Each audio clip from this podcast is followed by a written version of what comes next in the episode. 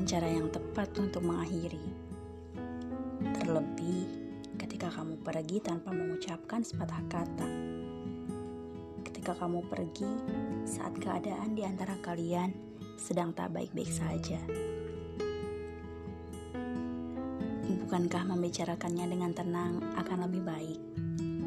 Sekalipun pada akhirnya memang harus berpisah, setidaknya kita tak lagi menyimpan amarah. Iya, sebaiknya memang seperti itu. Tapi terkadang semuanya tak semudah yang dibayangkan. Di saat aku sudah tak sanggup lagi, meski hanya mendengar suaramu, rasanya terlalu berat. Mendengar sepatah kata yang terucap dari mulutmu saja, pasti aku langsung menangis. Terlalu mencintaimu. Maafkan aku yang lebih memilih menjadi pengecut. Tapi, bolehkah aku jika saat ini ku ingin tahu bagaimana kabar tentangmu? Apakah kamu baik-baik saja? Tentu saja dia nggak akan baik-baik saja. Sore itu, aku cerita tentangmu pada kawan baikku di tempat tersembunyi yang tak akan pernah kamu tahu. Hmm, sebenarnya kamu tahu, toh kita pernah memimpikan untuk mengunjungi tempat ini bersama-sama. Hamparan bunga tulip, di mana ribuan bunga yang amat kusuka tumbuh subur dan sangat indah.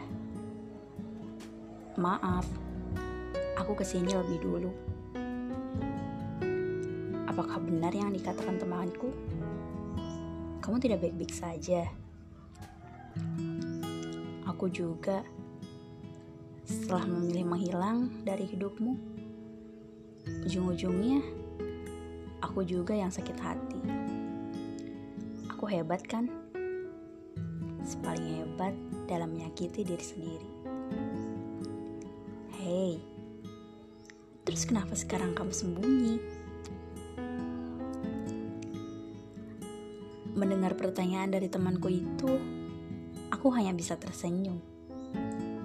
Sembunyi? Aku sama sekali sedang tidak bersembunyi.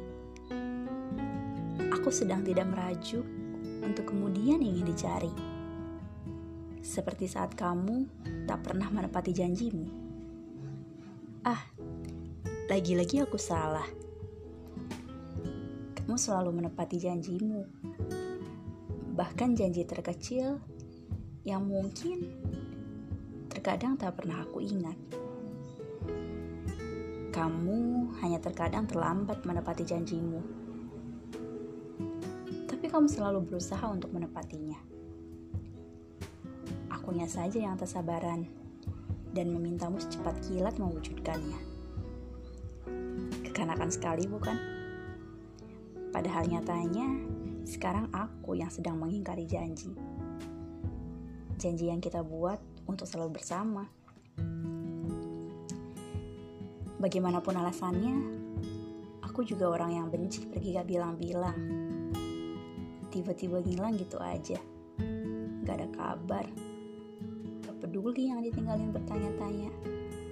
Gak mikirin yang ditinggalin itu khawatir. Temanku tertawa mendengar jawabanku. Emangnya lucu.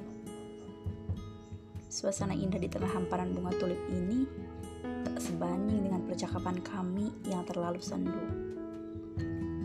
Ceritanya memang aku yang ingin curhat kepada temanku. Tapi malah ia yang terkesan menyalahkanku. Walaupun kenyataannya dalam situasi seperti ini, aku yang memang pantas untuk disalahkan. Terus kenapa kamu lakuin itu sekarang? Aku takut menyadari apa yang aku rencanain sama dia gak akan terjadi. Menyadari waktu yang melambat dan jarak yang semakin renggang. Menyadari kita harus sama-sama mengucapkan selamat tinggal. Daripada kami berpisah baik-baik, saling melempar senyum palsu, aku lebih memilih menjadi jahat. Melakukan suatu hal yang aku sendiri benci ngelakuinnya. Meski sakit, aku memilih pergi tanpa pamit. Sakit sekali memang.